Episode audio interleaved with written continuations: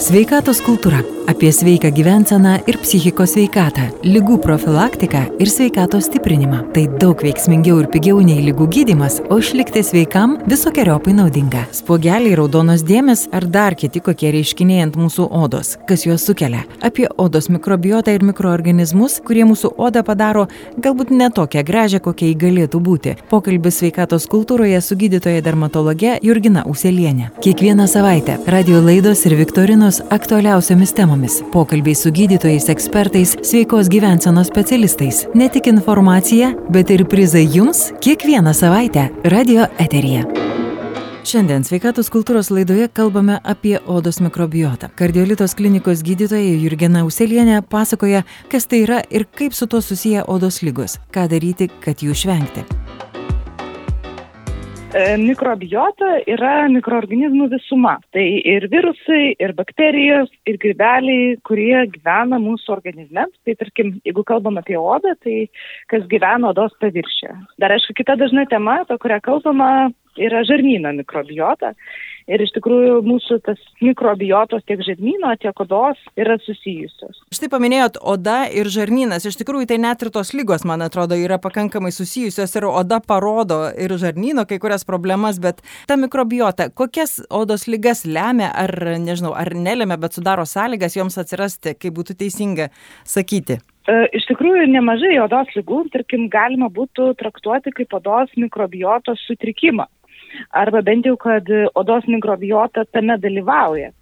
Ir tokie galbūt dažniausiai pasitaikantis pavyzdžiai, dabar ypač vasarą daug kas kreipiasi, tai pavyzdžiui įvairias spalvė dedervinė, kurią sukelia grybeliai, malastazėja furfo, kurie gyvena pas mus visus bet susidarius sąlygom, kada nebedraugauja su odos imuninė sistema arba tada, kada to grybelio padaugėja, galvoje atsiranda pleiskanų, tai tas seborėjinis dermatitas, o ant kūno odos rausvų arba rudų dėmelių ir tai yra vadinama įvairias palvededervinė. Tai abi šias lygas sukelia tas pats grybelis, kuris normaliai yra mūsų normali organizmo mikroflora ir mikrobiotos dalis, tačiau gali sukelti šias odos lygas. O kodėl? Pavyzdys, kodėl jisai su, kodėl? staiga ima ir sukelia, nes gyvena normaliai, o paskui staiga paima ir sukelia lygą?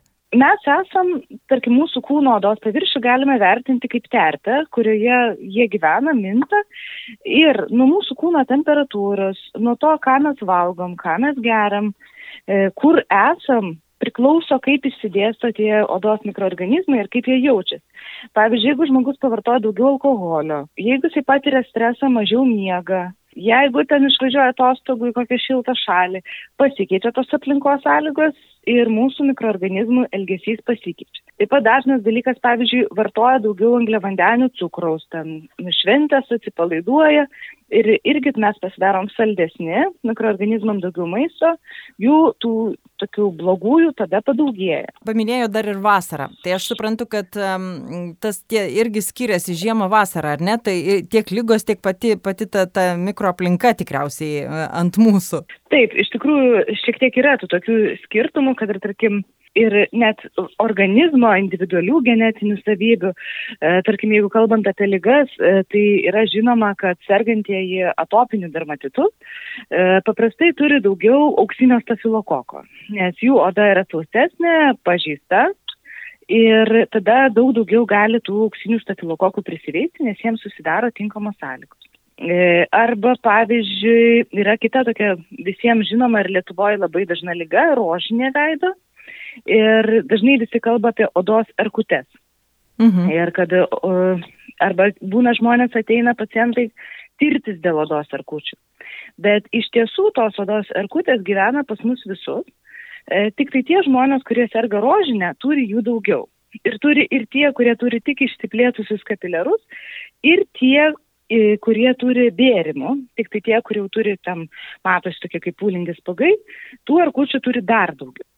Ir e, kai tų erkučių nėra daug ir ta rožinė kaip ir nėra išreikšta, tada mes kaip ir dažniausiai nieko blogo nejaučiame, jų yra nedaug. Kai yra išsiplėtę kapiliarai, oda išyla, erkučių pradeda daugintis daugiau, dar jeigu pavalgom angliavandenių, pieno produktų, alkoholis kartais pavartojamas, dažnesni temperatūrų pokyčiai, jų prisivėsia daugiau, tada jos pradeda žūti ir tokius išskiria uždegiminius veiksnius, kurie aktyvina mūsų imuninę sistemą ir pradeda imuninė sistema su arkutėm kovoti ir atsiranda tie spogai. Tai čia toks vienas iš rožinės e, patogenezės faktorių. Atrodo, tos lygos turbūt panašiai, ar ne? Kažkas nutinka ir e, kažkoks ar spogelis, ar, ar kažkokia raudona dėmė, kažkaip va tai panašiai atrodo. Ar svarbu, kokia ta odos lyga ir apskritai, kaip gydyti, mes čia turbūt čia labai individualus reikalas, bet um, ką daryti, kad ta, ta mikrobiota jinai būtų tokia normali ir galbūt nesidaugintų, ar tos arkutės, na apskritai, kokia yra profilaktika tam? Aišku, sveikas gyvenimo būdas yra turbūt pati didžiausia profilaktika, nes, tarkim, jeigu kalbėt apie mytybą, dabar yra užsienį labai išpopuliarėjusi tokia prieš uždegiminę dietą, e, kai yra vengiama greitų angliavandenių, e, vengiama pieno produktų ir valgoma daugiau žuvies, e, liesa mėsa, daržovės, ypač lapinės daržovės, uogos. Ir tokia mytyba veikia ir mūsų organizmo mikrobiotą, tuo pačiu ir odos imuninę sistemą. E, tokiu būdu kaip ir mažėja e, tų blogųjų mikroorganizmų, daugėja gerėja. Taip pat e, probiotikai yra labai svarbus mytybai ir tų probiotikų mes gauname su raugintais e, maisto produktais, daugiausia su raugintomis daržovėmis. Dabar dar yra populiarūs ir įvairūs probiotiniai gėrimai. Um, tai tuo metu, kai mes jas vartojam tarsi į žarnyną, gerėja ir mūsų odos mikrobiota, nes tos gerosios bakterijos, jos tarsi stabdo blogųjų bakterijų plitimą. Aišku, kitas dalykas, kas yra labai svarbu, tai stresas.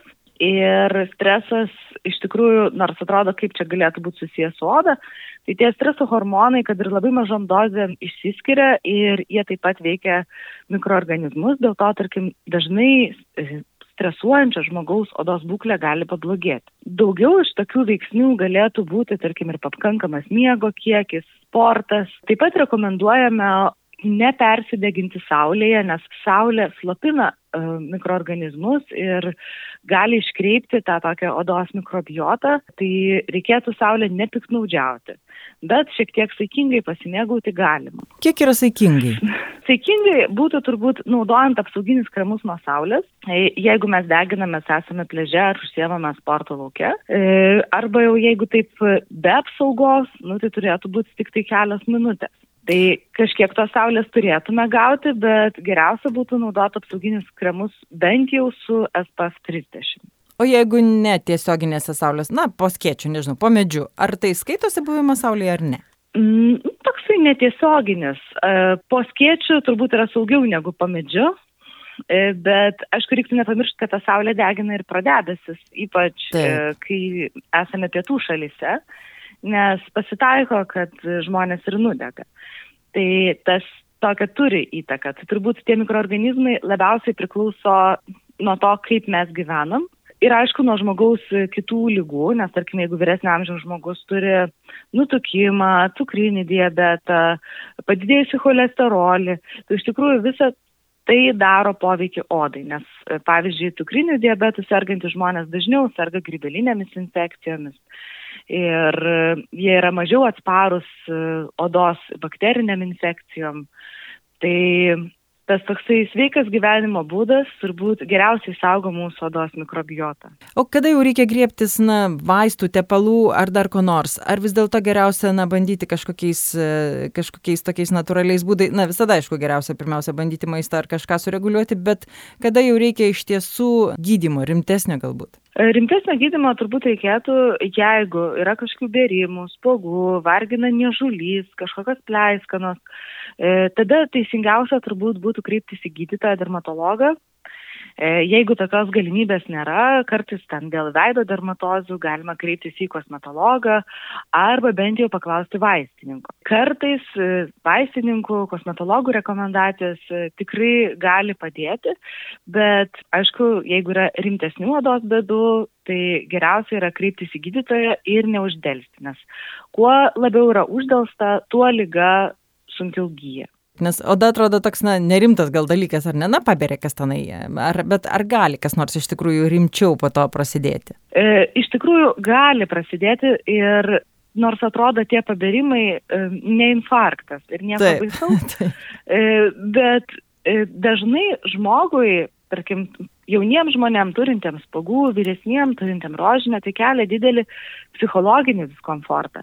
Ir dabar žmonės dažnai yra pastabesni negu senesniais laikais ir yra svarbu, kaip mes atrodome, ta mūsų oda yra tarsi vizitinė kortelė. Ir dėl to tas psichologinis diskomfortas yra ir įsijautrinimas viskam ir kartais net prasideda toks požiūris, kad čia niekas man jau nebepadės, man niekas nepadeda ir aš esu toks vienišas ir nelaimingas. Tai iš tikrųjų taip nėra. Aišku, kartais tas gydimas užtrunka ir atsitaikyti priemonės priežiūros irgi užtrunka, bet reikėtų nedelsti ir nesislėpti ir ta pagalba gali būti suteikta. Sveikatos kultūros laidos viešne buvo kardiolitos klinikos gydytoja dermatologė Jurgina Uselienė. Jie kalbino Vilija Kvedaraitė. Radio laidos sveikatos kultūra sukurtos bendradarbiaujant su Lietuvos Respublikos sveikatos apsaugos ministerija ir finansuojamos Europos socialinio fondo lėšomis. Sveikatos kultūra - apie sveiką gyvenseną ir psichikos sveikatą, lygų profilaktiką ir sveikatos stiprinimą. Tai daug veiksmingiau ir pigiau nei lygų gydimas, o išlikti sveikam visokiojopai naudinga. Kiekvieną savaitę radio laidos ir viktorinos aktualiausiomis temomis - pokalbiai su gydytojais, ekspertais, sveikos gyvensenos specialistais. Ne tik informacija, bet ir prizai jums kiekvieną savaitę radio eteryje.